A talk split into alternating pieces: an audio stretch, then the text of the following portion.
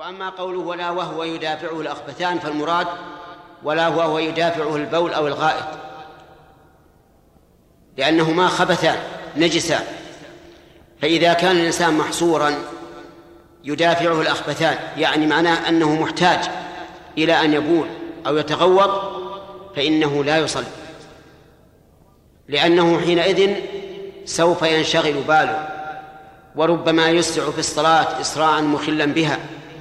ثم إن في حبس البول أو الغائط ضررا على البدن لأن الله تعالى جعل له مخارج.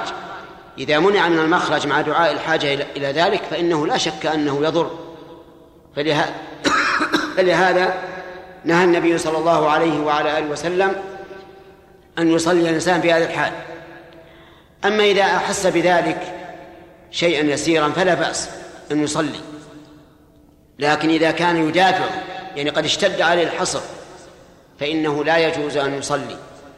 حتى إن الإنسان لو لو فرض أنه دخل مع الجماعة ثم در عليه البول وحصره فإنه ينصرف يقطع صلاته ولا حرج عليه. لأنه إنما قطعها بعذر شرعي. ولا شك في أن الإنسان يجوز أن يترك الجماعة إذا حصله البول أو الغائط حتى يقضي حاجته. واختلف العلماء لو ضاق الوقت وقت الصلاة مثل أن يستيقظ الإنسان من نومه قبيل طلوع الشمس ويكون محصورا. فهل نقول يتوضأ دون أن ينقض أن يبول ويصلي من أجل إدراك الوقت أو نقول بل يقضي حاجته ثم يتوضأ ويصلي ولو طلع, ولو طلع الوقت. هذا هو الصحيح. أنه يقضي حاجته ويتوضأ ويقبل على ربه وهو فارغ البال. ومثل ذلك لو كان حصره الريح. أحيانا يكون في الإنسان غازات في بطنه. يشق عليه منعها. وتؤلمه كثيرا. فهي مثل البول أو الغائط. لا يصلي حتى يذهب ويستريح بخروج الريح ثم يتوضأ ويصلي. ومثل ذلك أيضا كل ما يشغل الإنسان عن صلاته فإنه لا يصلي حتى ينتهي منه. أما الحديث الثاني فهو عن التثاؤب. التثاؤب يقول النبي عليه الصلاة والسلام إنه من الشيطان. وكيف كان من الشيطان؟ نقول آمنا بالله ورسوله. وصدقنا. النبي عليه الصلاة والسلام أخبر أنه من الشيطان. أما كيف يكون ذلك؟ فليس إلينا. الله أعلم كيف يكون ذلك. هل إن الشيطان له سلطة يتسلط على جسد بني آدم حتى يتثاءب؟ أو أن المعنى أنه من الشيطان لأنه يدل على الكسل والاسترخاء فهو من الشيطان ليثبط عن العبادة. ولهذا قيده في رواية الترمذي التثاؤب في الصلاة. لكن الصحيح أن نقول إنه من الشيطان أما كيف كان فالله أعلم. فإذا تثاءب أحدكم فليكظم ما استطاع. يعني إذا أتاه التثاؤب لا يفتح فمه ويصوت كما يفعل بعض العامة الآن تجده إذا أصاب التثاؤب فتح فمه وربما يكون معه صوت. لا هذا منهي عنه. بل اكظم ما استطعت. فإن لم تستطع فضع يدك على فمك. حتى لا يكون للشيطان عليك سبيل. لأن الشيطان إذا تثاءب الإنسان ولم يضع يده على فمه يضحك منه ويسخر به. لأنه لأنه غلبه حيث أن التثاؤب من الشيطان. فأنت إذا أصابك التثاؤب في الصلاة أو غير الصلاة فاكظم إن لم فإن لم تستطع فضع يدك على فمك. وظاهر الحديث أنه لا يقول أعوذ بالله من الشيطان الرجيم. بل يكظم ما استطاع ثم إذا لم يستطع وضع يده على فمه ولكن لا يقول أعوذ بالله من الشيطان الرجيم. وبه نعرف أن بعض العامة الذين إذا تثاءبوا قالوا أعوذ بالله من الشيطان الرجيم ليسوا على صواب. لأنه لو كان هذا أمرا مشروعا لبينه النبي صلى الله عليه وعلى آله وسلم كما بين الفعل المشروع وهو وضع اليد على الفم إذا لم يستطع أن يكثر. والله موفق.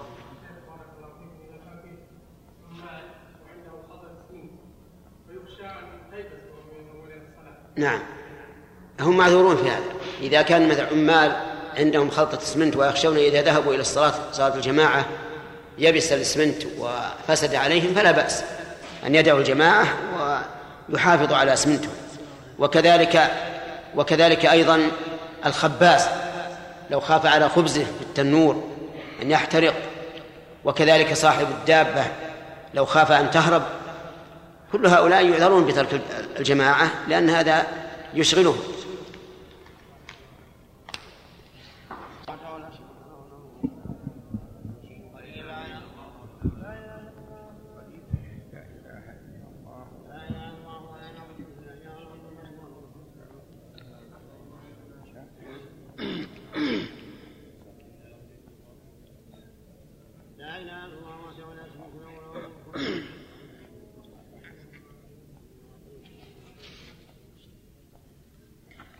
الله الرحمن الرحيم.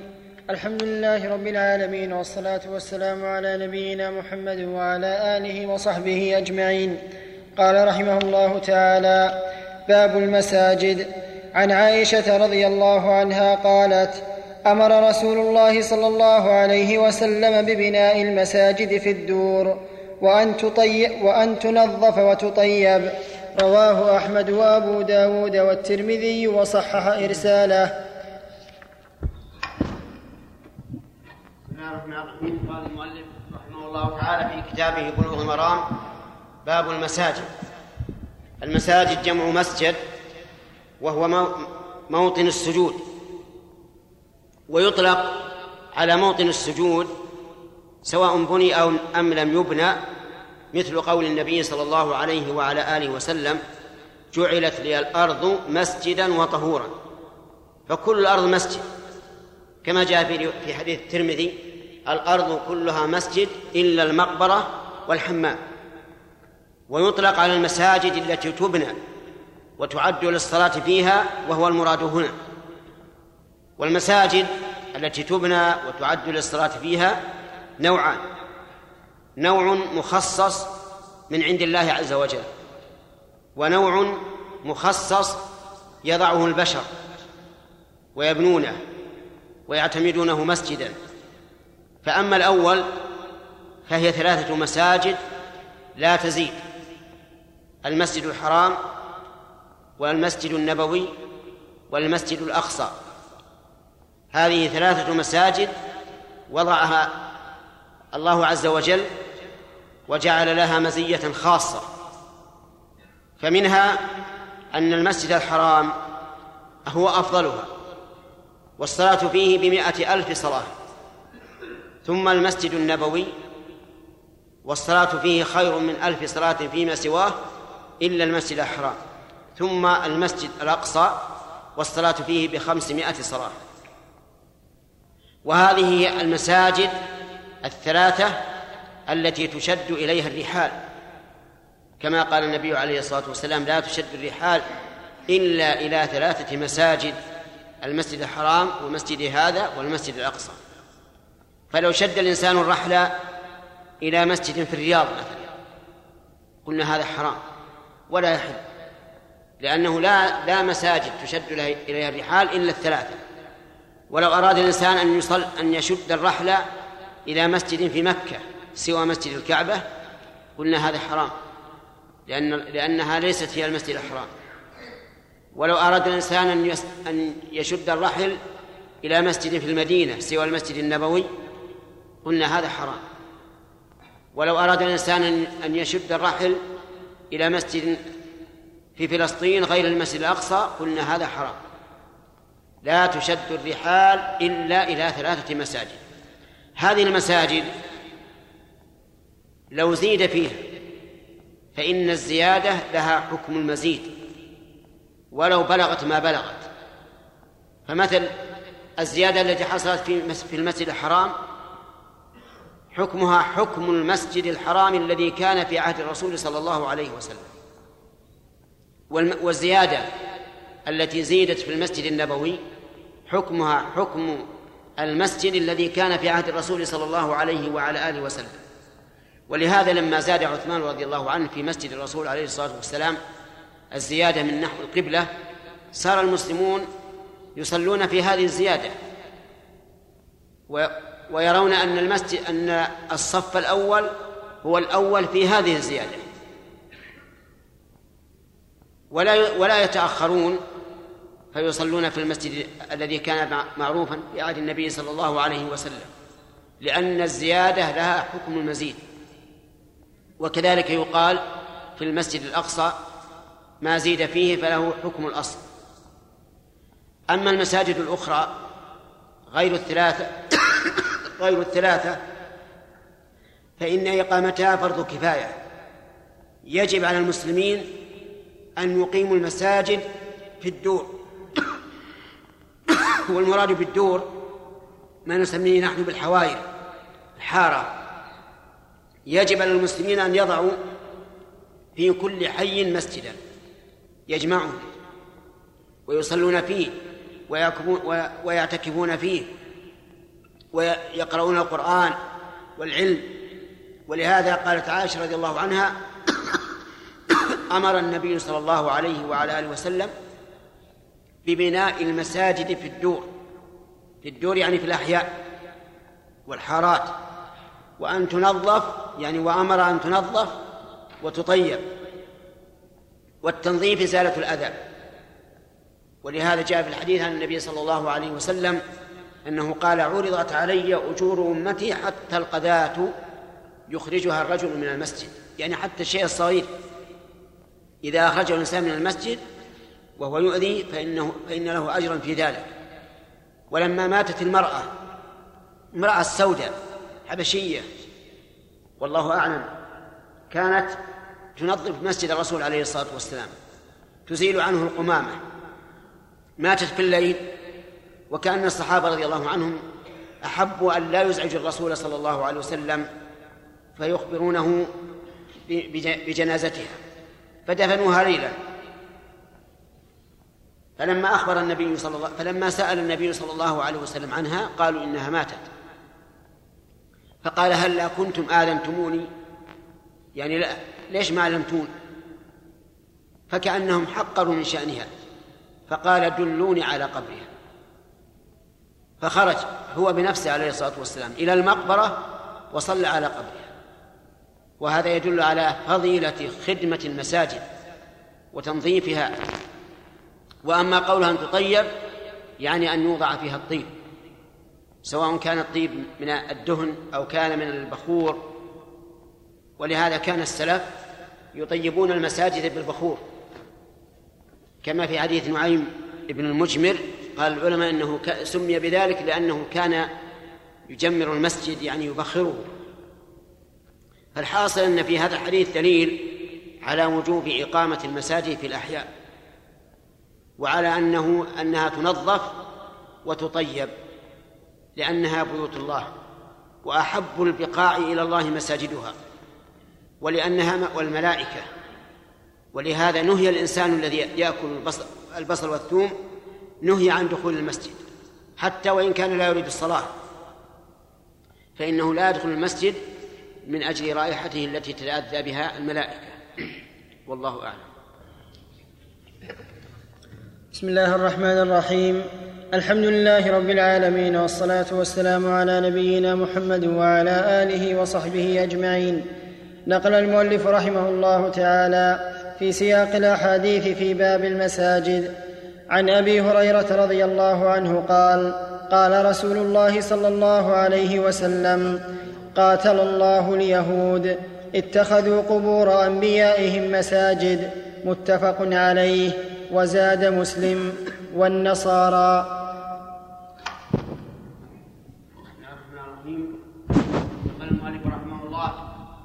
في سياق الأحاديث التي ذكرها في باب المساجد عن أبي هريرة رضي الله عنه أن النبي صلى الله عليه وسلم قال قاتل الله اليهود والنصارى اتخذوا قبور أنبيائهم مساجد.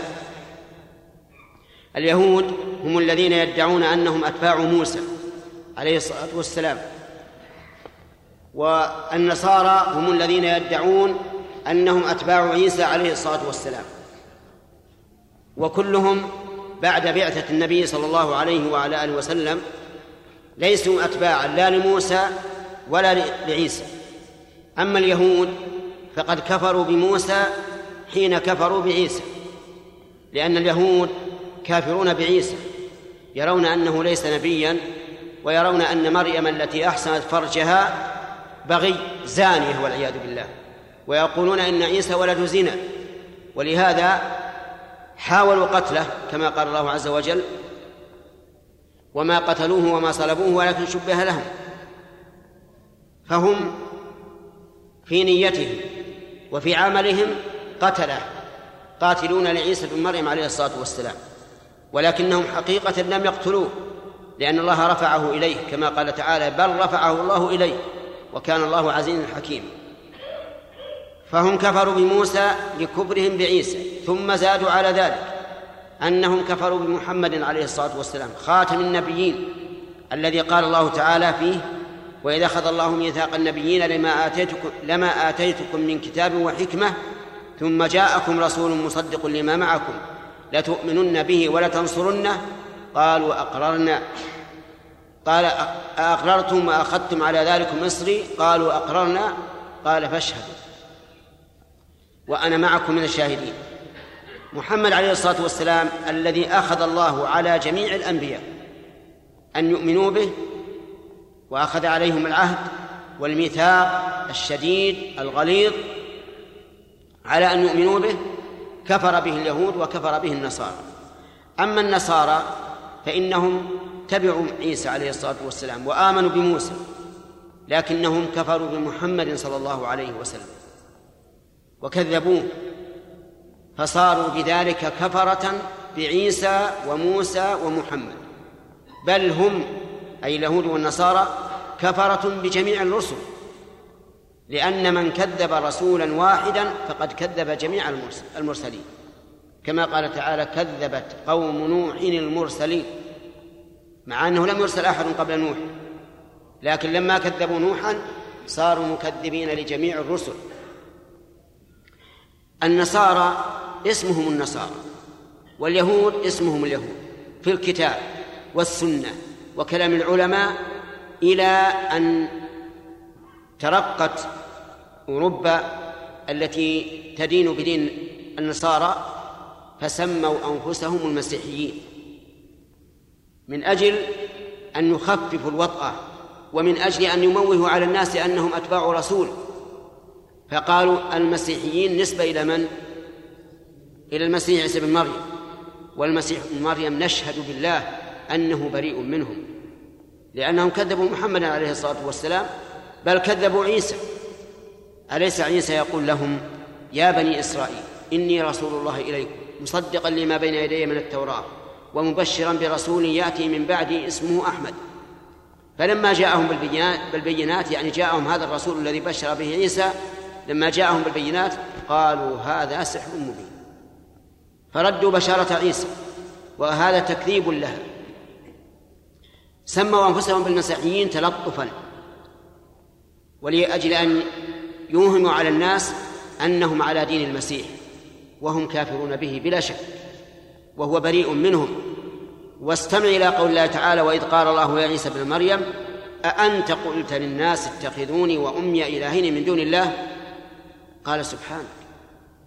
ما قلت ذلك. ما يكون لي أن أقول ما ليس لي بحق.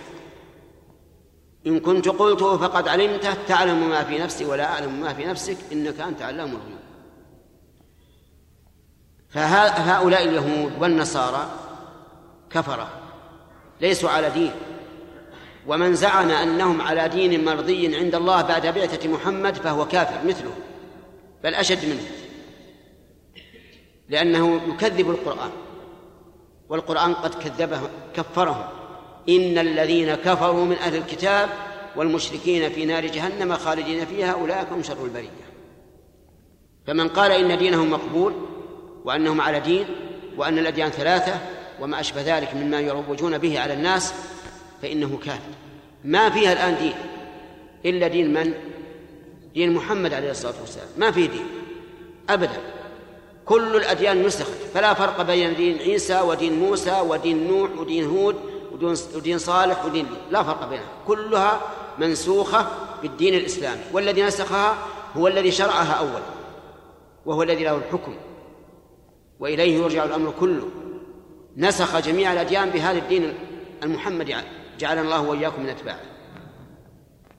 فالمهم هؤلاء اليهود والنصارى ليسوا على دين أبدا.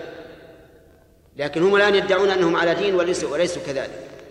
ثم أعلم أن اليهود والنصارى أولياء. أولياء بعضهم أولياء بعض. حتى لو تظاهروا بالعداوة فيما بينهم وهم إلى الآن لم يتظاهروا بها فإنهم أولياء. كما قال الله عز وجل وهو عالم بذات الصدور يا أيها الذين آمنوا لا تتخذوا اليهود والنصارى بعضهم أولياء بعض. هذا كلام وهو أعلم بما في الصدور. لا تظن أن هناك فرقا بين اليهود والنصارى في محاربة الإسلام. كلهم يحاربون الإسلام. كلهم على حد سواء في محاربة الإسلام ومن تتبع الحوادث منذ فجر التاريخ عرف أن الواقع كما أخبر الله عز وجل أنهم أولياء. يوالي بعضهم بعضا ويساعد بعضهم بعضا ويدافع بعضهم عن بعض.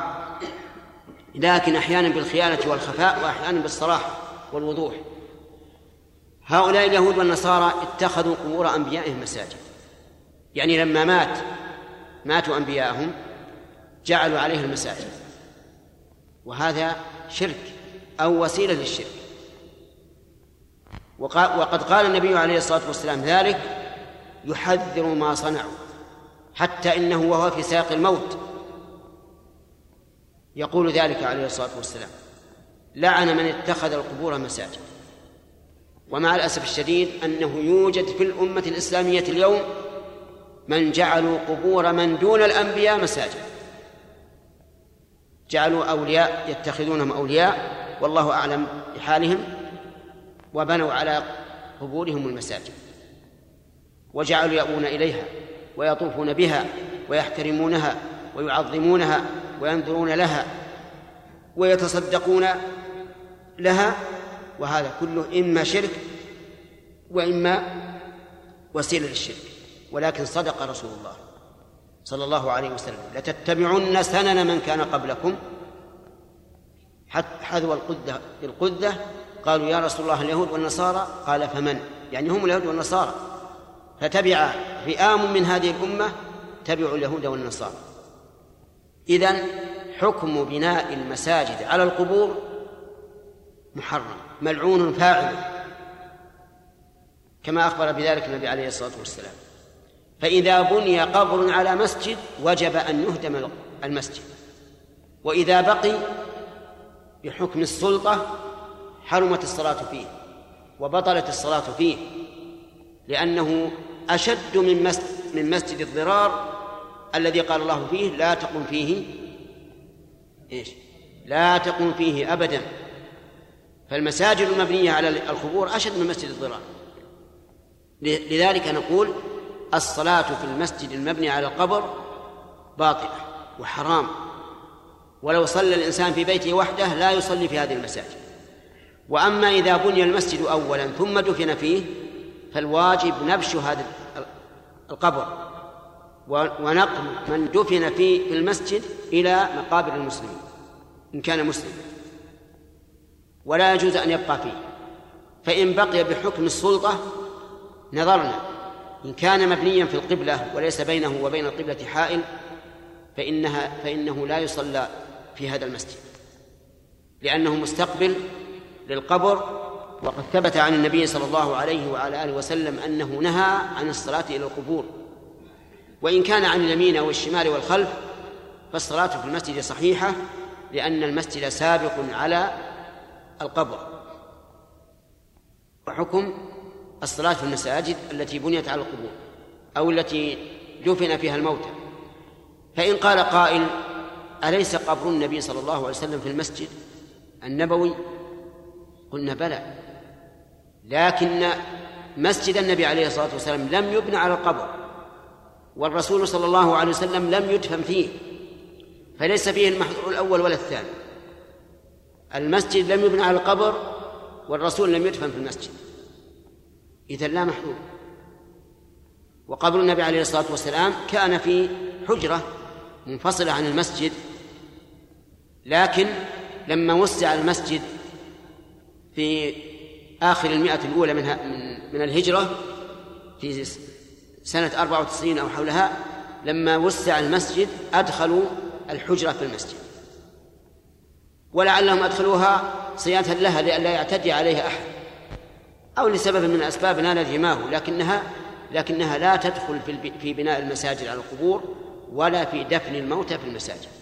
خارجة عن هذا وهذا فلا حجة فيها ولا يمكن لأحد أن يحتج بها.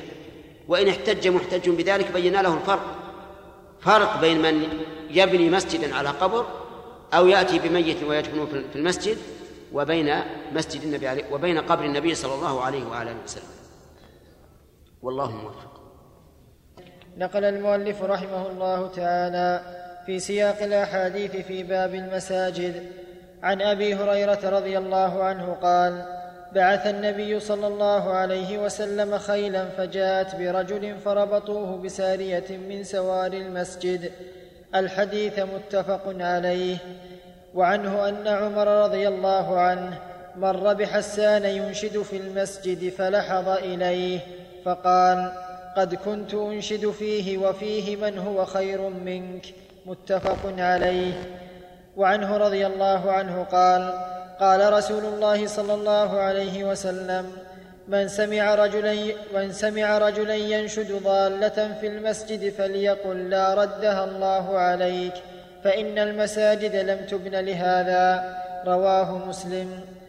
وعنه رضي الله عنه أن رسول الله صلى الله عليه وسلم قال إذا رأيتم من يبيع أو يبتاع في المسجد فقولوا له لا أربح الله تجارتك رواه النسائي والترمذي وحسنه و... بسم الله الرحمن الرحيم. هذه أحاديث ساقها المؤلف رحمه الله في باب أحكام المساجد من بلوغ المرام. فيها مسائل فالحديث الأول فيه أن النبي صلى الله عليه وسلم بعث رجالا يعني للغزو والقتال في سبيل الله فأتوا برجل من الكفار. فربطوه في سارية المسجد سارية المسجد يعني العمود الذي يوضع عليه السقف. ففي هذا دليل على جواز هذه الحال أن يدخل الكافر المسجد ويربط بسارية من السواري أو يدخل على سبيل الدعوة إلى الله عز وجل مثل أن ندخله لأجل أن يستمع إلى القرآن أو ما أشبه ذلك. وكذلك أيضا ندخله إذا كان هذا الكافر عنده معرفة بإصلاح الكهرباء أو غير ذلك مما يعرفه هذا الكافر فإنه لا بأس أن يدخل لأن ذلك لمصلحة المسجد. وأما إذا لم يكن لمصلحة المسجد فإن الكافر لا يدخل. لأن الله تعالى قال للمشركين إنهم نجس فلا يقربوا المسجد الحرام بعد عامهم هذا. فمكة لا يدخلها الكفار. أبدا لا المشرك ولا اليهودي ولا النصراني ولا الذي لا يصلي لأن لأن الذي لا يصلي كافر مرتد فلا يحل له أن يدخل مكة لأنه لأن البيت الحرام وحرم مكة كله لا يحل لكافر أن يدخله. المساجد أيضا لا يدخلها الكفار إلا إذا كان في ذلك مصلحة إما للمسجد وإما للإسلام والمسلمين. كذلك أيضا من أحكام المساجد أنه لا يجوز فيها إنشاد الضالة. إنشاد الضالة يعني أن يأتي إنسان قد ضاع له شيء فيقف في المسجد ويقول من رد لي الشيء الفلاني؟ من وجد لي الشيء الفلاني؟ أو بأي عبارة كانت. المهم أنه يسأل الناس هل وجدوا ضالته أم لا فهذا حرام. ولذلك أمر النبي صلى الله عليه وعلى آله وسلم من سمع شخصا يقول ذلك أن يدعو عليه بأن الله لا يردها عليه. فقال إذا سمعتم من ينشر ضالة في المسجد فقولوا لا ردها الله عليك. يعني ادعوا الله أن لا يردها عليك. ولم يأمر النبي عليه الصلاة والسلام بأن ندعو الله لا يردها عليه إلا لأنه فعل محرما لا يليق في المسجد. وسواء كان الضائع دراهم أو متاع أو شاة أو غير ذلك. وقوله فإن المساجد لم تبن لهذا يحتمل أنه من جملة ما يقال له. يعني أننا نقول لا رده الله عليه فإن المساجد لم تبنى لهذا حتى يطيب قلبه وحتى لا يكون في نفسه شيء. ويحتمل أن هذا تعليل للحكم وأنه لا يقال مع الدعاء الذي يدعى به لمن أنشد ضالة في المسجد. لكن إذا رأى الإنسان من المصلحة أن يقول له لا ردها الله عليك والمساجد ما بنيت ليسأل فيها عن الشيء الضائع إنما بنيت التكبير والتسبيح وقراءة القرآن والصلاة. وكذلك أيضا البيع والشراء. فقد قال النبي صلى الله عليه وسلم إذا رأيتم من يبيع أو يبتاع يبيع يعرض السلعة يبتاع يشتري السلعة في المسجد فقولوا لا أربح الله تجارتك فلا يجوز البيع والشراء في المسجد. وقد أمرنا أن ندعو عليه بأن الله لا يربح تجارته. وهذا ظاهر. ومن ذلك أن يقول أحد لشخص في المسجد يا فلان عندك السلعة الفلانية؟ فيقول نعم. فيقول نبي منها كذا وكذا. مثل يقول عندك أكياس رز؟ يقول نعم. قال نبي نبي منها كيس. هذا بيع وشراء. حرام. لأن البيع والشراء ليس له صيغة معينة بل كل ما دل على عقد البيع فإنه بيع وشراء. و وكذلك أيضا إذا باع الإنسان مصارفة يعني الإنسان معه ورقة فئة مئة ريال. أعطاها شخص وقال أعطني بذلك فئة عشرة. هذا حرام. ولا يجوز. لأن هذا مصارفة والمصارفة نوع من البيع. لكن يبدو والله أعلم يظهر لنا أنه لو كان مع إنسان عشرة ريالات ومر به مسكين في المسجد وأراد أن يعطيه وأراد أن يعطيه أقل من عشرة فقال هذه عشرة وأعطني ثمانية فهذا لا بأس به. لأن في ذلك إحسانا إلى الفقير وليس من باب التجارة. الظاهر أن هذا ليس ليس به بأس. لأنه ليس بيعا وشراء من أجل الربح والتجارة فصار جائزا. وأما الوفاء في المسجد يعني إنسان وجد صاحبه الذي يطلبه فأوفاه دينه في المسجد فهذا لا بأس به. لأن هذا ليس بيعا ولا شراء وإنما هو إيفاء واستيفاء. ومن ذلك أيضا إذا استعار منه شيئا استعار منه قلما مثلا في المسجد ثم رده عليه فلا بأس.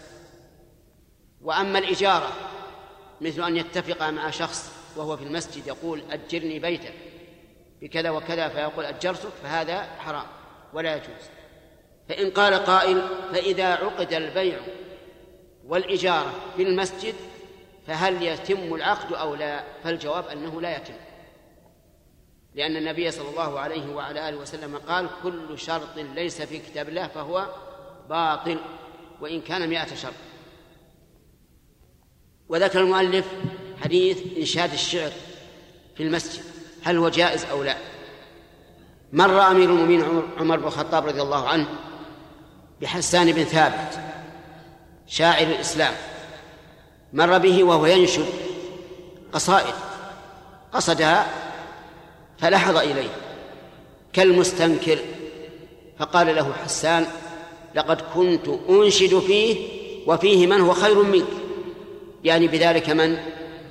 رسول الله صلى الله عليه وعلى آله وسلم. يعني كأنه يقول لا تنكر علي ولا تنظر إلي بنظرة المنكر. لقد كنت أنشد وفيه من هو خير منك. ولا يقال إن هذا من باب سوء الأدب. مع أمير المؤمنين عمر بن الخطاب لأن عمر بن الخطاب يفرح إذا قال إذا قال له قائل فيه من هو خير منك؟ يفرح بالشريعة ليس ينكرها وهو يؤمن إيمانا تاما كاملا بأن محمد رسول الله خير منه بلا شك. لكن الإشهاد الشعر الذي الذي فيه الغزل والتغني بالنساء والمردان وما أشبه ذلك لا يجوز.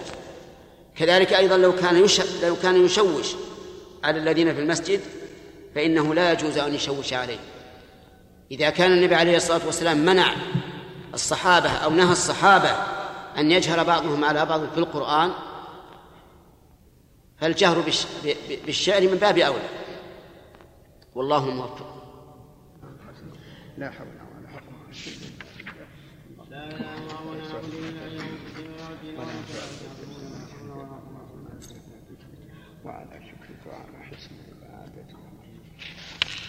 بسم الله الرحمن الرحيم الحمد لله رب العالمين والصلاة والسلام على نبينا محمد وعلى آله وصحبه أجمعين نقل المؤلف رحمه الله تعالى في سياق الأحاديث في باب المساجد عن حكيم بن حزام رضي الله عنه قال قال رسول الله صلى الله عليه وسلم لا تقام الحدود في المساجد ولا يستقاد فيها رواه أحمد وأبو داود بسند ضعيف.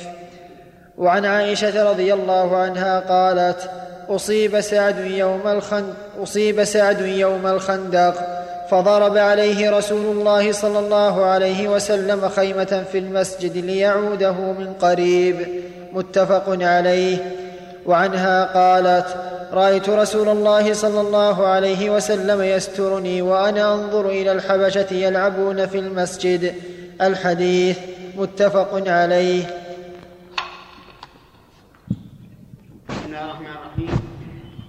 من أحكام المساجد التي ثبتت بها السنة ما سبق من النهي عن البيع والشراء في المسجد. وأن الإنسان إذا رأى من يبيع أو يشتري في المسجد فليقل لا أربح الله تجارته. وكذلك إنشاد الضالة يعني البحث عنها. من من آه، من يرد علي الضالة وما أشبه ذلك. من أحكام المساجد أن لا تقام فيها الحدود وأن لا يستقاد فيها. أما الحدود فهي العقوبات المقدرة في الشرع. بفعل معصية. هذا هو الحد المراد به هنا. هي العقوبات المقدرة بالشرع في معصية. مثل حد الزنا فإن الزاني والزانية إذا لم يكونا محصنين يجلدان على مئة جلدة ويغربان عن الوطن لمدة سنة كاملة. وفائدة الحدود أن المحدود لا يعاقب في الآخرة تكفي عقوبته في الدنيا وأن فيها ردعا عن المعصية لأن الناس إذا علموا أنه سيقام عليهم الحد بفعل هذه المعصية تركوها ففيه فائدتان فائدة للمحدود المجرم الذي فعل المعصية وعوقب عليها وهي أنها تكفر ما حصل منه من من الإثم بالمعصية والثاني أنها تردع غير المحدود عن فعل هذه المعصية ومن الحدود قطع يد السارق ومن الحدود أن من حارب الله ورسوله وسعى في الأرض فسادا فإن جزاؤه أن تقطع أيديهم وأرجلهم من خلاف أو ينفى من الأرض أو يقتلوا أو يصلبوا. فلا تقام الحدود في المساجد. وأما التأديب بغير الحد فلا بأس به إذا لم يكن في ذلك ضرر على أهل المسجد كالتعزير بالصوت والصوتين وما أشبه ذلك. بشرط لا يكون في ذلك ضرر على أهل المسجد. ومن أحكام المساجد أنه يجوز أن يضرب في المسجد الواسع خيمة صغيرة تكون للإنسان وحده إذا دعت الحاجة إلى ذلك أو المصلحة. كما في حديث عائشة رضي الله عنها أن النبي صلى الله عليه وسلم ضرب على سعد بن معاذ رضي الله عنه حين أصيب في في غزوة الخندق ضرب عليه خيمة في المسجد من أجل أن يعوده عن قرب. وكان سعد بن معاذ رضي الله عنه هو سيد الأوس. وحلفاؤهم بنو قريظة وله معهم موقف معروف. فهذا الرجل رضي الله عنه من أفاضل الصحابة وهو سيد الأوس. ولما أصيب في أكحله في غزوة الخندق وكان عزيزا على النبي صلى الله عليه وعلى آله وسلم.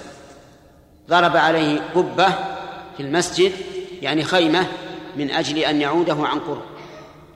فدل ذلك على جواز ضرب القبة في المسجد للمصلحة أو للحاجة لكن بشرط أن لا يحصل في ذلك ضرر على أهل المسجد كالتضييق ونحوه.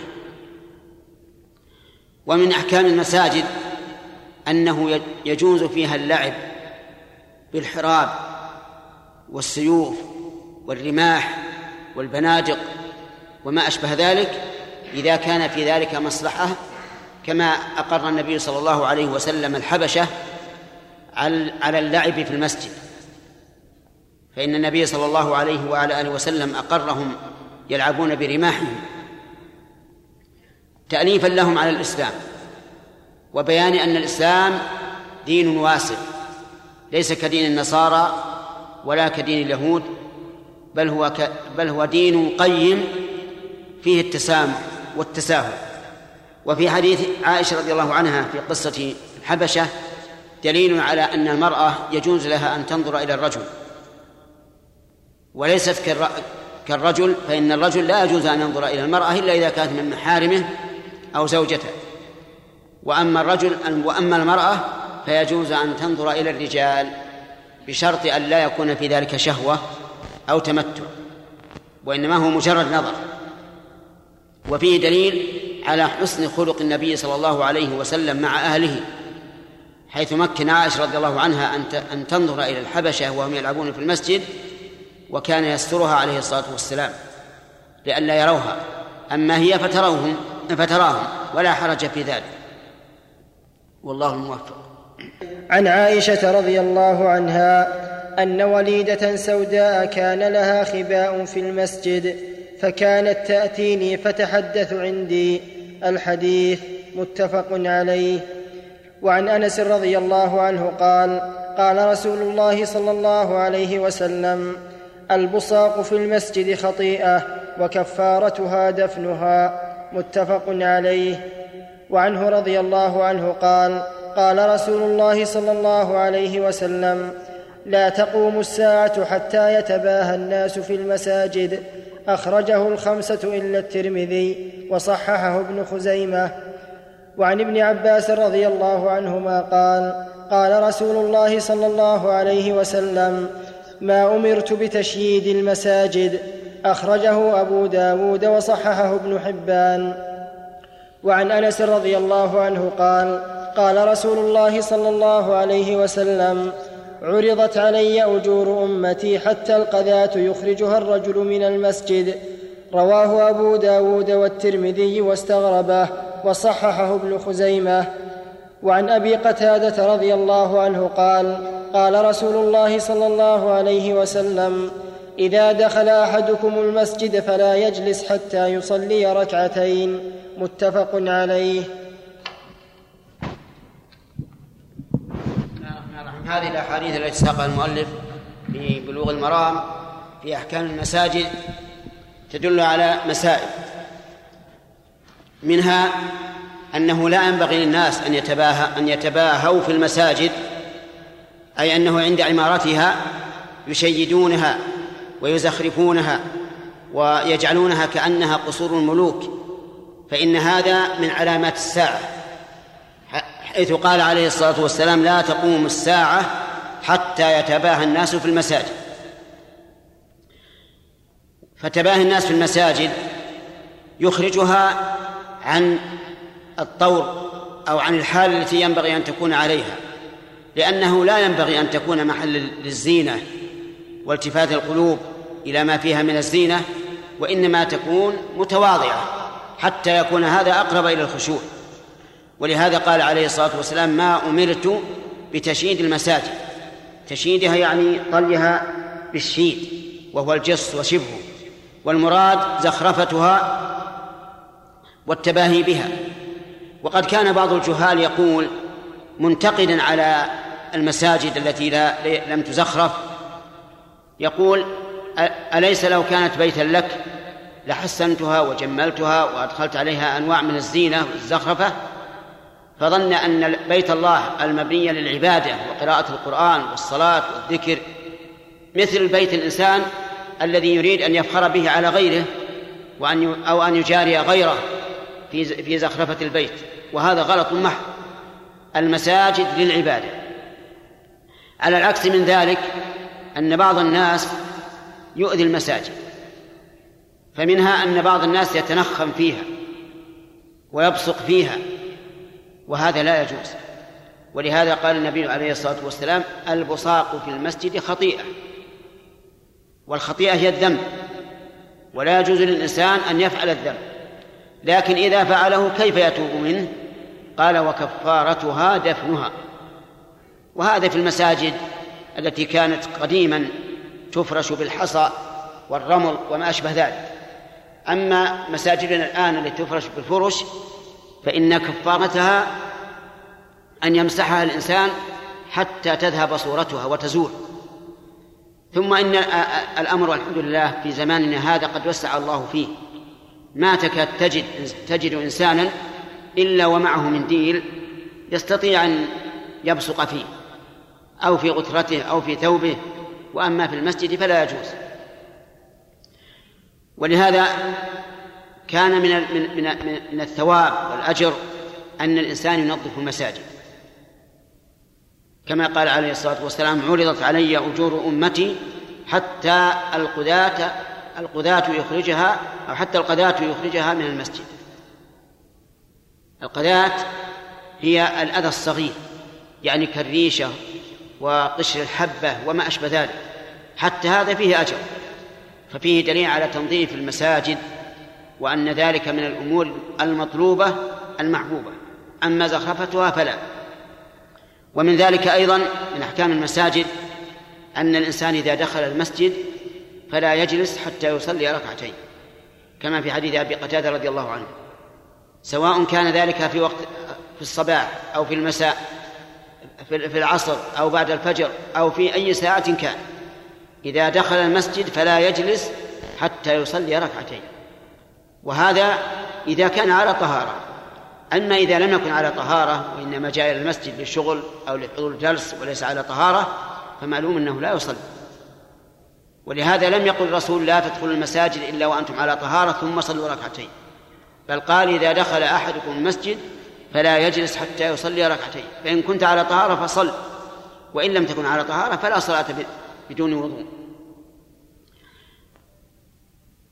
ولا يستثنى من هذا شيء. حتى لو دخل الإنسان لحضور حلقة ذكر أو قراءة القرآن أو ما أشبه ذلك فلا يجلس حتى يصلي ركعتين. والله موفق. قال رحمه الله تعالى باب صفة الصلاة.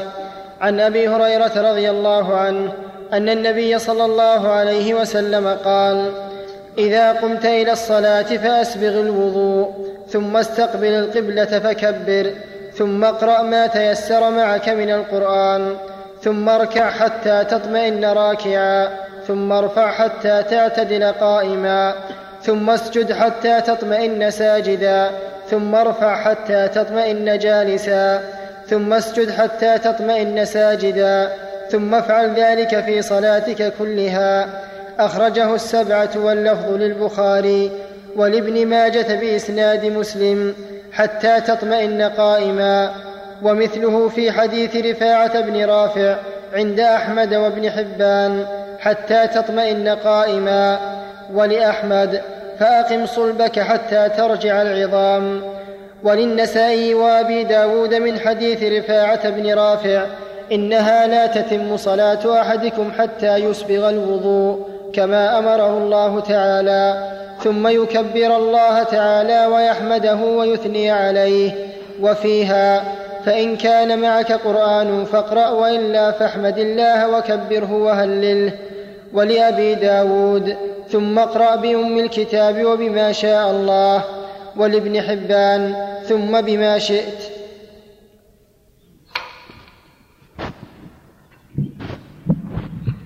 بسم الله الرحمن الرحيم. سبق لنا في آخر باب أحكام المساجد حديث أبي قتادة رضي الله عنه أن النبي صلى الله عليه وسلم قال إذا دخل أحدكم المسجد فلا يجلس حتى يصلي ركعتين.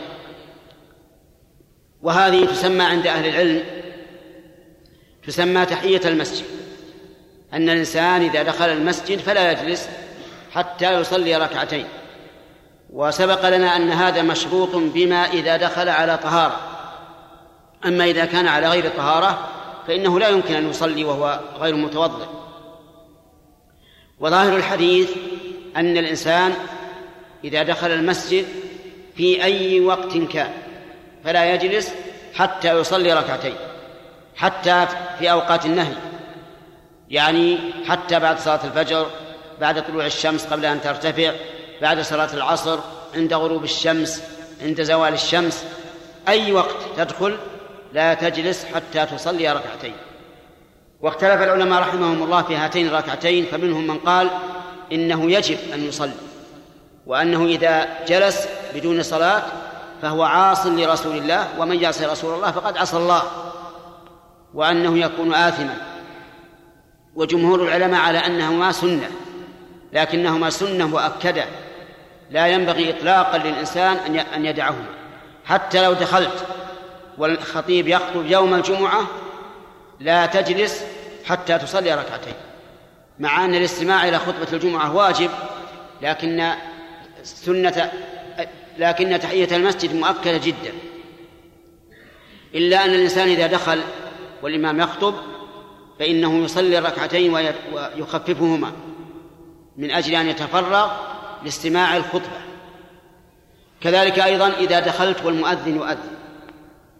فإن كان في غير الجمعة فقف حتى يتمم المؤذن أذانه لأجل أن تتابعه وتدعو بعده بالدعاء المعروف. ثم صل. أما إذا كان أذان الجمعة الثاني الذي عند حضور الإمام فلا تتابع المؤذن. صل الركعتين ولو كان يؤذن لأجل أن تتفرغ لاستماع الخطبة. لأن استماع الخطبة واجب وإجابة المؤذن سنة. فلا ينبغي أن أن يدع الإنسان شيئا واجبا من أجل فعل السنة. وقوله عليه الصلاة والسلام حتى يصلي ركعتين. طيب لو صلى ثلاث ركعات مثل أن دخل وهو لم يصلي المغرب فصلى المغرب فهل يكفي عن الركعتين؟ نقول نعم يكفي. إذا صلى ثلاث ركعات فقد صلى ركعتين وزاد. وإذا دخل المسجد ومن نيته أن يوتر بركعة فأتى بركعة فقط فالظاهر أنه أتى بما يلزم يعني أنه أتى بتحية المسجد لأن قول الرسول عليه الصلاة والسلام فلا يجلس حتى يصلي ركعتين بناء على الغالب فإذا دخل الإنسان مثل بعد أن صلى العشاء في مسجد آخر وصلى سنة العشاء ثم أتى إلى مسجد إلى مسجد وصلى الوتر ركعة أجزى ولو أنه دخل المسجد وكان يقرأ القرآن فمر بآية سجدة وسجد فهل تغني عن صلاة ركعتين؟ نقول لا تغني لأن هذا سجود وليس بصلاة ركعتين وإذا دخل المسجد وهو يريد أن يشرب مثلا فهل يجلس ليشرب ثم يصلي ركعتين أو نقول اشرب قائما ثم صلي ركعتين؟ الثاني هو هو الأحسن أن يشرب قائما ثم إذا فرغ صلى ركعتين قبل أن يجلس لأن الشرب قائما ورد عن النبي صلى الله عليه وسلم أنه شرب قائما في زمزم وشرب قائما حين استيقظ من الليل فوجد شنا معلقا فشرب منه قائما. فنقول اشرب قائما ثم صلي الركعتين لئلا تجلس قبل أن تصلي ركعتين. وإذا دخل الإنسان والإمام يصلي الفريضة ودخل مع الإمام كفاه عن الركعتين لأنهما عبادتان من جنس اجتمعتا فتتداخلان تداخلان ويكتفى بأحدهما عن الآخر. وعلى هذا فإذا أتيت إلى المسجد لصلاة الفجر ولم تصلي سنة الفجر في البيت. دين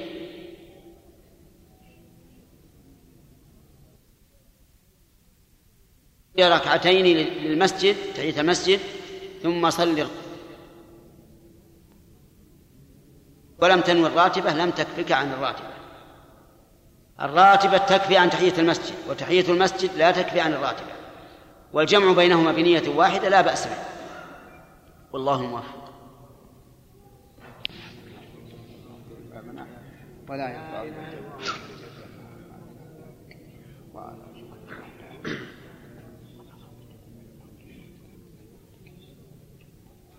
بسم الله الرحمن الرحيم. الحمد لله رب العالمين والصلاة والسلام على نبينا محمد وعلى آله وصحبه أجمعين. قال رحمه الله تعالى باب صفة الصلاة. عن أبي هريرة رضي الله عنه أن النبي صلى الله عليه وسلم قال إذا قمت إلى الصلاة فأسبغ الوضوء ثم استقبل القبلة فكبر ثم اقرأ ما تيسر معك من القرآن ثم اركع حتى تطمئن راكعا ثم ارفع حتى تعتدل قائما ثم اسجد حتى تطمئن ساجدا. ثم ارفع حتى تطمئن جالسا ثم اسجد حتى تطمئن ساجدا ثم افعل ذلك في صلاتك كلها. أخرجه السبعة واللفظ للبخاري ولابن ماجة بإسناد مسلم حتى تطمئن قائما. المؤلف رحمه الله تعالى في كتابه بلوغ المرام باب صفة الصلاة.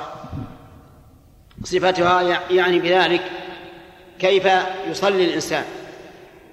واعلم أنه لابد في كل عبادة من شرطين. الأول الإخلاص لله تبارك وتعالى. بأن لا ينوي بعبادته إلا وجه الله سبحانه وتعالى والدار الآخرة. وهذا يتكلم عليه الذين يتكلمون في التوحيد. والثاني المتابعة للرسول صلى الله عليه وسلم. وهذا يتكلم عليه أهل الفقه. ولا يمكن أن تتابع النبي صلى الله عليه وعلى آله وسلم إلا إذا عرفت كيف يفعل. ولهذا تجد العلماء رحمهم الله أعني علماء الفقه يتكلمون على صفة الوضوء على صفة الصلاة على صفة الحج. كل ذلك من أجل تحقيق متابعة النبي صلى الله عليه وعلى آله وسلم. والنبي صلى الله عليه وسلم صلى. وكان يقول صلوا كما رأيتموني أصلي. ابتدأ المؤلف رحمه الله هذا الباب بحديث أبي هريرة رضي الله عنه الذي يعرف عند العلماء بحديث المسيء في صلاته. وذلك أن رجلا أتى فصلى صلاة لا يطمئن فيها. ثم جاء إلى النبي صلى الله عليه وسلم وهو في المسجد مع أصحابه فسلم فرد عليه السلام وقال له ارجع فصلي فإنك لم تصلي. لأن النبي صلى الله عليه وسلم رمقه ورأى أنه لا يطمئن. قال ارجع فصلي فإنك لم تصلي. لأنه لم يطمئن في صلاته. والذي لا يطمئن في صلاته وجودها كالعدم. ولهذا قال إنك لم تصلي أي لم تصلي صلاة تبرئ ذمتك وتجزئ عن فريضتك. فرجع الرجل وصلى لكنه صلى كصلاته الأولى لأنه جاهل. ثم عاد فسلم على النبي صلى الله عليه وعلى آله وسلم فرد عليه السلام وقال له ارجع فصل فإنك لم تصل فرجع. وصلى لكن كصلاته الأولى بدون طمأنينة. ثم عاد فسلم على النبي صلى الله عليه وسلم فقال ارجع فصلي فإنك لم تصلي.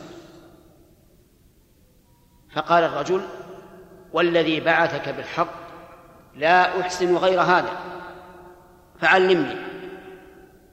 فأقسم رضي الله عنه بالذي بعث محمدا صلى الله عليه وسلم بالحق وهو رب العالمين جل وعلا أنه لا يحسن غير هذا. وإنما اختار هذا القسم دون أن يقول والله لا أحسن غير هذا ليكون هذا إقرارا منه بأن ما قال بأن ما يقوله النبي صلى الله عليه وسلم في هذا فهو حق يجب الالتزام به. فلما رآه النبي صلى الله عليه وسلم أحوج ما يكون إلى التعليم وأن نفسه تتطلع إلى ذلك وأنه متشوق ومتشوف إلى هذا علمه. قال إذا قمت إلى الصلاة فأسبغ الوضوء. يعني إذا أردت أن تقوم للصلاة فأسبغ الوضوء أي توضأ وضوءا سابغا أي كاملا. ولم يبين النبي صلى الله عليه وعلى آله وسلم صفة الوضوء لأنها معلومة. ثم استقبل القبلة فكبر. واستقبال القبلة شرط لصحة الصلاة. فكبر يعني تكبيرة الإحرام وهي ركن من أركان الصلاة لا يمكن أن يدخل في الصلاة إلا بها. ومعنى كبر قل الله أكبر. ثم اقرأ ما تيسر معك من القرآن. ولم يعين له النبي صلى الله عليه وسلم لأنه جاهل لا يدري. وفي بعض الروايات أنه عين له أن يقرأ بفاتحة الكتاب. فإن صحت هذه الرواية فذاك وإن لم تصح فقد دلت الأدلة الكثيرة على أنه لا صلاة لمن لم يقرأ بفاتحة الكتاب. ثم اركع حتى تطمئن راكعا. والركوع هو أن يحني الإنسان ظهره ويعتمد بيديه على ركبتيه وهو دليل على تعظيم الراكع لله عز وجل. لأن الانحناء دليل على التعظيم ولهذا شرع للإنسان أن يقول في الركوع سبحان ربي العظيم وقوله حتى تطمئن قال العلماء الطمأنينة هي سكون الأعضاء إذا قمت إلى الصلاة فأسبغ الوضوء ثم استقبل القبلة فكبر ثم اقرأ ما تيسر معك من القرآن ثم اركع حتى تطمئن راكعا ثم ارفع حتى تعتدل قائما ثم اسجد حتى تطمئن ساجدا ثم ارفع حتى تطمئن جالسا ثم اسجد حتى تطمئن ساجدا ثم افعل ذلك في صلاتك كلها. أخرجه السبعة واللفظ للبخاري. ولابن ماجة بإسناد مسلم حتى تطمئن قائما. بسم الله الرحمن الرحيم سبق الكلام على أول هذا الحديث في الدرس الماضي ونحن نتكلم على عليه إن شاء الله فقرة فقرة أولا قال قال عليه الصلاة والسلام إذا قمت إلى الصلاة فأسبغ الوضوء. يعني توضأ وضوءا كاملا وهذا دليل على أن الصلاة لا تصح بغير وضوء. وهو كذلك لقول النبي صلى الله عليه وسلم لا يقبل الله صلاة أحدكم إذا أحدث حتى يتوضأ. فلو أن الإنسان صلى بغير وضوء متعمدا فصلاته باطلة وهو آثم وذهب بعض العلماء إلى أنها أي الصلاة بغير وضوء عمدا ردة عن الإسلام والعياذ بالله وكفر وأن الإنسان يحتاج إلى أن يجدد إسلامه ويغتسل لأنه لأنه استهزاء بالله تبارك وتعالى. ولو أنه صلى بغير وضوء ناسيا فإنه إذا ذكر يتوضأ ويعيد الصلاة. ولو أنه صلى بغير وضوء جاهلا مثل أن يأكل لحم إبل وهو لا يدري أنه ينقض الوضوء ثم يتبين له أنه ينقض الوضوء فإنه يجب عليه أن يتوضأ ويعيد الصلاة.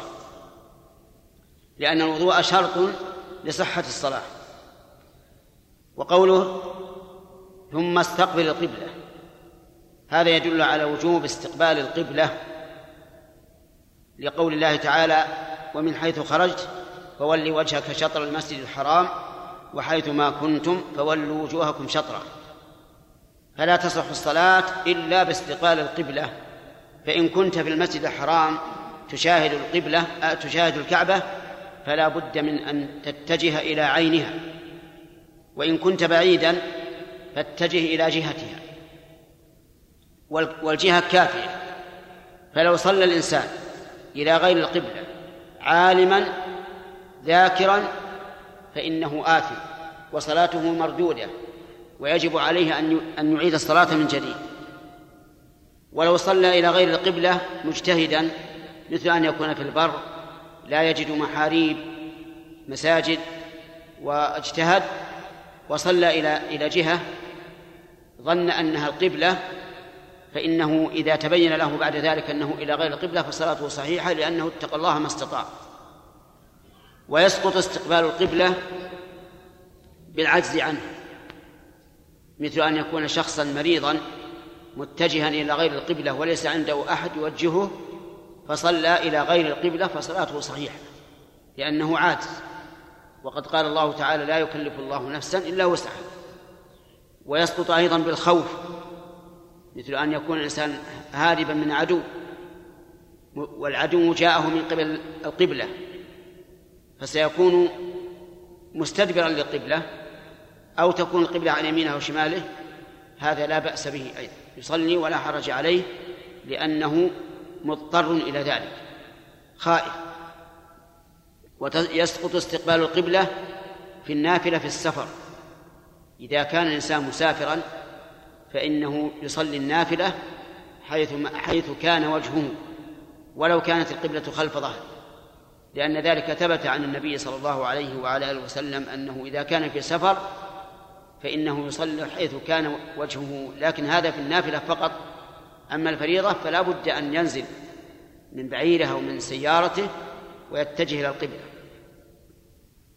هذا قول استقبل القبلة وقوله كبر يعني قل الله أكبر وهذه تسمى تكبيرة الإحرام. ولا بد أن تكون بهذا اللفظ الله أكبر. فإن قال الله أجل أو الله أعلم أو الله أعظم أو ما أشبه ذلك لم لم تصح صلاته. لا بد أن يقول الله أكبر. ولا يجوز أن يمد الهمزة فيقول آه الله أكبر. ولا أن يمد الهمزة همزة أكبر فيقول آه الله أكبر. ولا يجوز أن يمد الباء فيقول الله أكبر. كل هذا إذا فعله فإن تكبيره لا يصح. ولا يجوز أيضا أن ينصب لفظ الجلالة فيقول الله أكبر. فإنه إذا قال الله أكبر اختل المعنى اختلالا بينا فيكون لحنا يحيل المعنى ولا تنعقد الصلاة به ولا تصح. وكذلك أيضا في الأذان والإقامة وتكبيرات الصلاة إذا قال الله أكبر فإنها لا فإن ذلك لا يجزئه ولا تبرأ به الذمة لأنه لحن يحيل المعنى. وقوله كبر يسن عند هذا التكبير أن يرفع الإنسان يديه إلى حذو منكبيه أو إلى شحمة أذنيه أو إلى فروع أذنيه كما جاءت بذلك السنة. ويكون ابتداء الرفع مع ابتداء التكبير. وإن شاء رفع يديه ثم كبر. وإن شاء كبر وأتم التكبير ثم رفع يديه كل ذلك سنة. ثم بعد هذا يضع يده اليمنى على ذراعه اليسرى على صدره. ذلا لله عز وجل وخضوعا بين يديه. ولا ينبغي أن يجعلها تحت سرته لعدم صحة الحديث في ذلك ولا على سرته لأنه لم يصح الحديث في ذلك وأقرب ما فيه حديث وائل بن حجر أن الرسول صلى الله عليه وسلم كان يضعهما على صدره. ويأتي إن شاء الله بقية الكلام على هذا الحديث. قال رحمه الله تعالى باب صفة الصلاة. عن أبي هريرة رضي الله عنه أن النبي صلى الله عليه وسلم قال إذا قمت إلى الصلاة فأسبغ الوضوء ثم استقبل القبلة فكبر ثم اقرأ ما تيسر معك من القرآن. ثم اركع حتى تطمئن راكعا ثم ارفع حتى تعتدل قائما ثم اسجد حتى تطمئن ساجدا ثم ارفع حتى تطمئن جالسا ثم اسجد حتى تطمئن ساجدا ثم افعل ذلك في صلاتك كلها. أخرجه السبعة واللفظ للبخاري. بسم الله الرحمن الرحيم. سبق الكلام على أول هذا الحديث. الذي جمع غالب صفه الصلاة. قال النبي صلى الله عليه وسلم للرجل ثم اقرأ ما تيسر معك من القرآن أي ما كان سهلا عليك ويسيرا عليك. ولم يبين له النبي صلى الله عليه وعلى آله وسلم ماذا يقرأ لكن هناك أحاديث تدل على أنه لا بد من قراءة فاتحة الكتاب يعني سورة الحمد لله رب العالمين. الرحمن الرحيم مالك يوم الدين إياك نعبد وإياك نستعين اهدنا الصراط المستقيم صراط الذين أنعمت عليهم غير المغضوب عليهم ولا الضالين. يقرأها الإنسان في كل ركعة سواء كان إماما أو مأموما أو منفردا وسواء في الفريضة أو في النافلة. حتى في الصلاة الجهرية إذا كان الإنسان مع الإمام فلا بد أن يقرأها ولو كان الإمام يقرأ. لأن هذا مستثنى. فإن النبي صلى الله عليه وسلم انصرف ذات يوم من صلاة الفجر وكان أصحابه يقرؤون خلفه فقال لهم لا تفعلوا إلا بأم القرآن فإنه لا صلاة لمن لم يقرأ بها. ولا تسقط الفاتحة إلا إذا جاء الإنسان والإمام راكع فإنه هنا تسقط عنه الفاتحة. يكبر تكبيرة الإحرام ثم يركع. لكن يكبر تكبيرة الإحرام وهو قائم معتدل ثم يركع وفي هذه الحال تسقط عنه الفاتحة.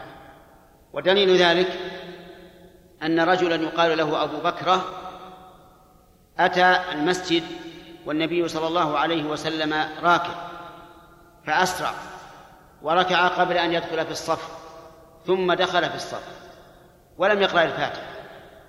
فلما انصرف النبي صلى الله عليه وعلى آله وسلم من صلاته سأل من الفاعل فقال أبو بكر أنا. فقال له زادك الله حرصا ولا تعد ولم يأمره أن يعيد الركعة التي أدرك الركوع فيها. فدل ذلك على أن الإنسان إذا أدرك الركوع مع الإمام سقطت عنه الفاتحة. ووجهه من جهة النظر أن الفاتحة إنما تقرأ حال القيام. وهذا الرجل سقط عنه القيام من أجل متابعة الإمام في الركوع فسقطت عنه الفاتحة.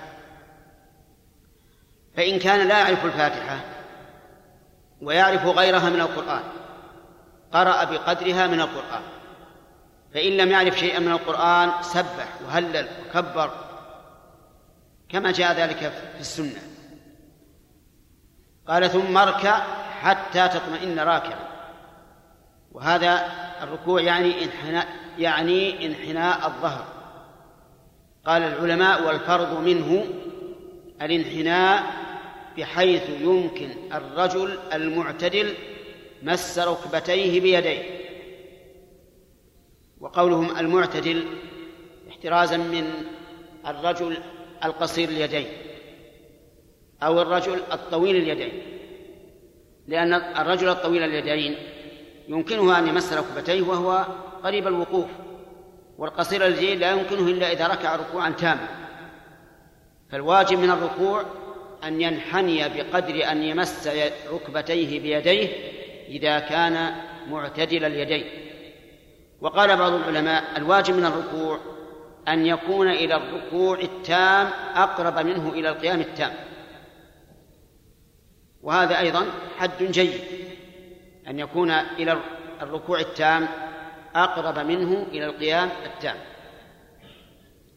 وعند الركوع السنة أن يرفع يديه إلى حذو منكبيه ثم يضعهما على ركبتيه مفرجتي الأصابع ويقول سبحان ربي العظيم. يكررها ثلاثا خمسا سبعا. ويقول أيضا سبحانك اللهم ربنا وبحمدك اللهم اغفر لي. ويقول أيضا سبوح قدوس رب الملائكة والروح.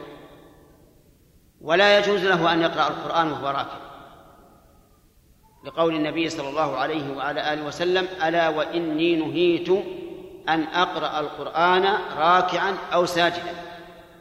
فأما الركوع فعظموا فيه الرب. وأما السجود فأكثروا من الدعاء فقمن أن يستجاب لكم. وينبغي في الركوع أن يحصر ظهره لا أن يقوس الظهر وأن يجعل رأسه موازنا لظهره محاذيا له لا يرفع رأسه ولا ينزله بل يكون مستوي الظهر ويكون رأسه محاذيا لظهره. وتسوية الظهر هنا سنة. حتى أن الرسول عليه الصلاة والسلام لا يسوي ظهره بحيث لو صب عليه الماء لاستقر من شدة التسوية. هذا هو الأكمل. ثم بعد أن يسبح سبحان ربي العظيم ويقول ما شاء من تعظيم الله عز وجل يرفع رأسه. قائلا سمع الله لمن حمده. الإمام والمنفرد. وأما المأموم فيقول في حال نهوضه يقول ربنا ولك الحمد. لقول النبي صلى الله عليه وسلم إذا قال الإمام سمع الله لمن حمده فقولوا ربنا ولك الحمد. ويأتي إن شاء الله بقية الكلام على هذا في الدرس القادم. والله أعلم. قال رحمه الله تعالى باب صفة الصلاة. عن أبي هريرة رضي الله عنه أن النبي صلى الله عليه وسلم قال إذا قمت إلى الصلاة فأسبغ الوضوء ثم استقبل القبلة فكبر ثم اقرأ ما تيسر معك من القرآن ثم اركع حتى تطمئن راكعا ثم ارفع حتى تعتدل قائما ثم اسجد حتى تطمئن ساجدا ثم ارفع حتى تطمئن جالسا ثم اسجد حتى تطمئن ساجدا. ثم افعل ذلك في صلاتك كلها. أخرجه السبعة واللفظ للبخاري. بسم الله الرحمن الرحيم. سبق الكلام على جملتين من هذا الحديث وهما إذا قمت إلى الصلاة فأسبغ الوضوء ثم استقبل القبلة فكبر ثم اقرأ ما تيسر معك من القرآن ثم اركع حتى تطمئن راكعا. ثم قال ثم ارفع حتى تطمئن قائما. يعني من الركوع. وإذا رفعت فقل سمع الله لمن حمده إن كنت إماما أو منفردا. وأما المأموم فيقول بدلها ربنا ولك الحمد. ثم قال حتى تطمئن قائما. فالطمأنينة في القيام بعد الركوع كالطمأنينة في الركوع. والسنة أن تجعل القيام بعد الركوع بقدر الركوع. كما قال كما قال ذلك البراء بن عازب رضي الله عنه. حين رمق صلاة النبي صلى الله عليه وسلم فوجد أن ركوعه وقيامه بعد الركوع قريبا من السواء. أن قيامه بعد الركوع كان قريبا من الركوع أي في الطول. وبه نعرف خطأ من إذا رأيتهم يصلون. رفعوا من الركوع ثم سجدوا على طول. هؤلاء إن كانوا لم يطمئنوا فصلاتهم باطلة. وإن اطمأنوا فصلاتهم ناقصة. لأن السنة أن تكون الصلاة متقاربة. في هذا القيام يقول الإمام والمنفرد بعد أن يستتم قائما ربنا ولك الحمد. حمدا كثيرا طيبا مباركا فيه ملء السماوات وملء الأرض وملء ما بينهما وملء ما شئت من شيء بعد. وإن قال ربنا ولك الحمد ملء السماوات وملء الأرض وملء ما شئت من شيء بعد. أهل الثناء والمجد فحق ما قال العبد وكلنا لك عبد لا مانع لما أعطيت ولا معطي لما منعت ولا ينفع ذا الجد منك الجد. فحسن. يعني يقول هذا مرة وهذا مرة. قال ثم اسجد حتى تطمئن ساجدا يعني بعد الطمأنينة في القيام بعد الركوع اسجد. ولكن كيف السجود؟ أسجد على يدي أو على ركبتي؟ السجود على الركبتين. يعني تبدأ بالركبتين أولا ثم باليدين. إلا إذا كان الإنسان مريضا أو في وجع في ظهره وجع أو ما أشبه ذلك ولا يستطيع إلا أن يقدم يديه فلا حرج. أما مع القدرة فليقدم الركبتين لأن النبي صلى الله عليه وسلم نهى أن يبرك الإنسان في سجوده كبروك البعير والبعير إذا برك يقدم يديه كما هو مشاهد معروف ثم إن هذا هو الترتيب هو الترتيب الجسدي لأن الإنسان قائم أول ما يلي الأرض ركبتاه ثم يديه ثم الجبهة مع الأنف. فهذا هو القول الراجح. وأما من قال إنه يقدم اليدين واستدل بحديث أبي هريرة إذا سجد أحدكم فلا يبرك كما يبرك البعير وقال إن الركبتين أي ركبتي البعير في يديه.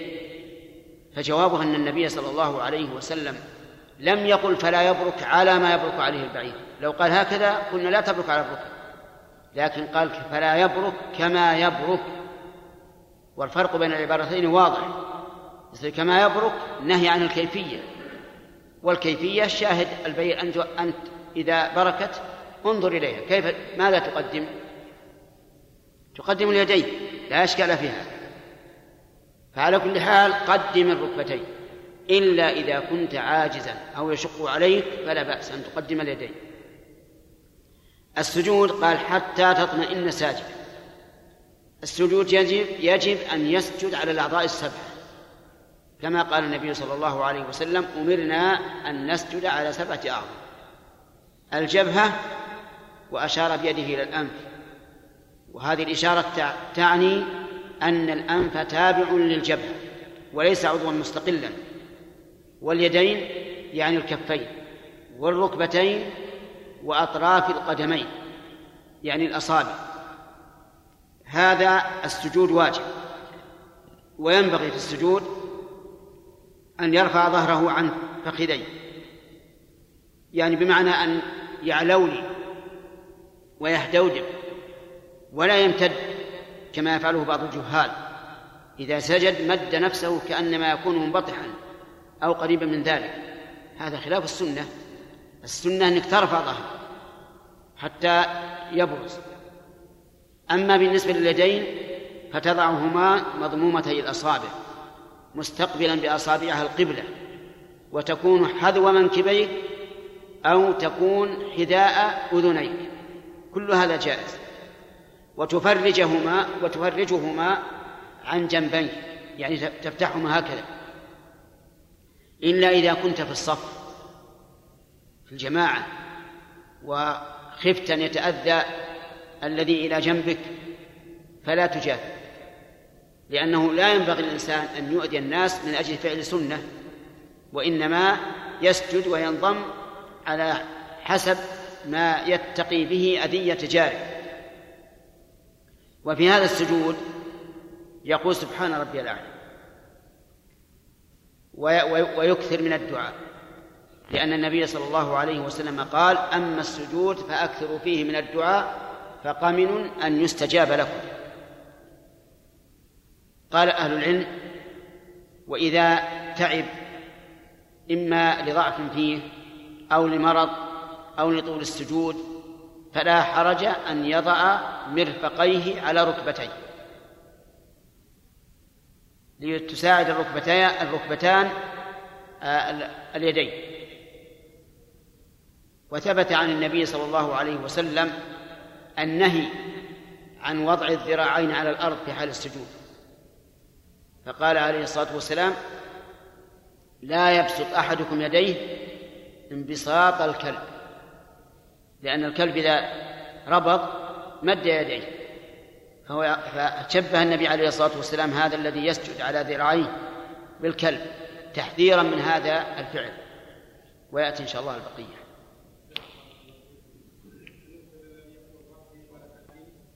لا يقول ربنا ولك الحمد. يعلم قال ربنا ولك الحمد. قال رحمه الله تعالى باب صفة الصلاة. عن أبي هريرة رضي الله عنه أن النبي صلى الله عليه وسلم قال إذا قمت إلى الصلاة فأسبغ الوضوء ثم استقبل القبلة فكبر ثم اقرأ ما تيسر معك من القرآن. ثم اركع حتى تطمئن راكعا ثم ارفع حتى تعتدل قائما ثم اسجد حتى تطمئن ساجدا ثم ارفع حتى تطمئن جالسا ثم اسجد حتى تطمئن ساجدا ثم افعل ذلك في صلاتك كلها. أخرجه السبعة واللفظ للبخاري. بسم الله الرحمن الرحيم سبق الكلام على أول هذا الحديث. إلى أن انتهينا إلى السجود. اسجد حتى تطمئن ساجدا. وبينا أن السجود يجب أن يكون على سبعة أعظم.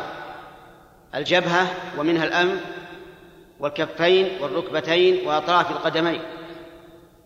وأن الإنسان يضع يديه على الأرض على حذاء منكبيه أو بين أو يجعل الجبهة بينهما يعني يرفعهما قليلا حتى يحاذي الجبهة. أما بالنسبة للرجلين فالركبتان يبقيان على طبيعتهما بدون ضم ولا تفريج. وأما القدمان فالسنة أن يضم بعضهما إلى بعض ولا يفرج. ويقول سبحان ربي الأعلى ويدعو. قال النبي عليه الصلاة والسلام ثم ارفع حتى تطمئن قاعدا وهذا الجلوس بين السجدتين. وهو ركن من أركان الصلاة والطمأنينة فيه أيضا ركن. في هذه الجلسة يفترش فينصب قدمه اليمنى يجعلها واقفة ويف...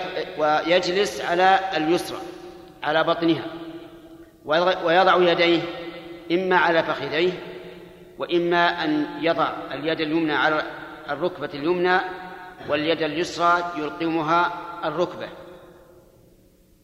ويضم من أصابعه الخنصر والبنصر ويحلق الإبهام مع الوسطى ويبقي السبابة مرتفعة قليلا كلما دعا رفع أصبعه إشارة إلى علو الله عز وجل. ويقول رب اغفر لي ثلاث مرات رب اغفر لي رب اغفر لي رب اغفر لي رب اغفر لي وارحمني وعافني وارزقني واجبرني واهدني. ثم يسجد السجدة الثانية كالأولى. ثم يقوم إلى الركعة الثانية. في قيامه إلى الركعة الثانية هل يجلس ويستريح ثم ينهض أو ينهض من السجود إلى القيام؟ الصحيح من أقوال العلماء في هذه المسألة الوسط وهو أن الإنسان إذا كان محتاجا إلى هذه الجلسة جلس مثل أن يكون كبيرا أو له أو مريضا أو لا يستطيع أن يقوم ناهضا من ركبتيه أو ما أشبه ذلك فهذا يجلس لكن هذه الجلسة ليس لها تكبير قبلها ولا بعدها وليس فيها ذكر وإنما هي تيسير على الإنسان أن لا يقوم ناهضا من السجود إلى القيام. وتسمى هذه عند العلماء جلسة الاستراحة لأن الإنسان يستريح فيها. وقد ثبت عن النبي صلى الله عليه وسلم أنه فعلها. لا أشكال في هذا كما في حديث مالك بن الحويرث لكن فعلها والله أعلم للحاجة لأن مالك بن الحويرث من من الوفود الذين وفدوا في السنة التاسعة من الهجرة وكان النبي صلى الله عليه وسلم إذ ذاك قد أخذه اللحم. فلعله عليه الصلاة والسلام كان يستريح في هذا. ومعلوم أن العبادات وإن كانت محبوبة إلى الله عز وجل فإن الله تعالى يريد بنا اليسر وأن لا نشق على أنفسنا. ولهذا شرعت هذه الجلسة لمن كان يحتاج إليها. ثم يصلي الركعة الثانية كالركعة الأولى تماما. ثم يجلس للتشهد الأول وسيأتي إن شاء الله بقية الكلام على هذا الحديث وما, وما يليه من الأحاديث. نقل المؤلف رحمه الله تعالى في سياق الأحاديث في باب صفة الصلاة عن أبي حميد الساعدي رضي الله تعالى عنه قال رأيت رسول الله صلى الله عليه وسلم إذا كبر جعل يديه حذو منكبيه وإذا ركع أمكن يديه من ركبتيه ثم هصر ظهره فإذا رفع رأسه استوى حتى يعود كل فقار مكانه. فإذا سجد وضع يديه غير مفترش ولا قابضهما واستقبل بأطراف أصابع رجليه القبلة وإذا جلس في الركعتين جلس على رجله اليسرى ونصب اليمنى وإذا جلس في الركعة